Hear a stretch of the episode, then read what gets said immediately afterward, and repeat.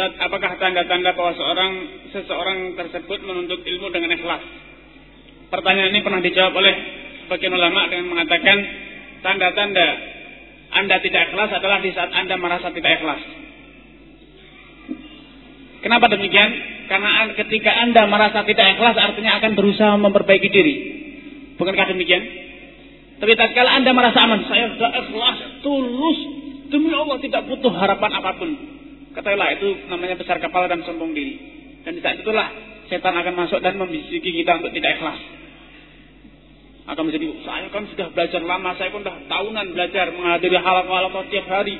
Saya kan sudah MA, doktor dan seterusnya. Justru perasaan seperti ini adalah tanda bahwa saya, tidak ikhlas.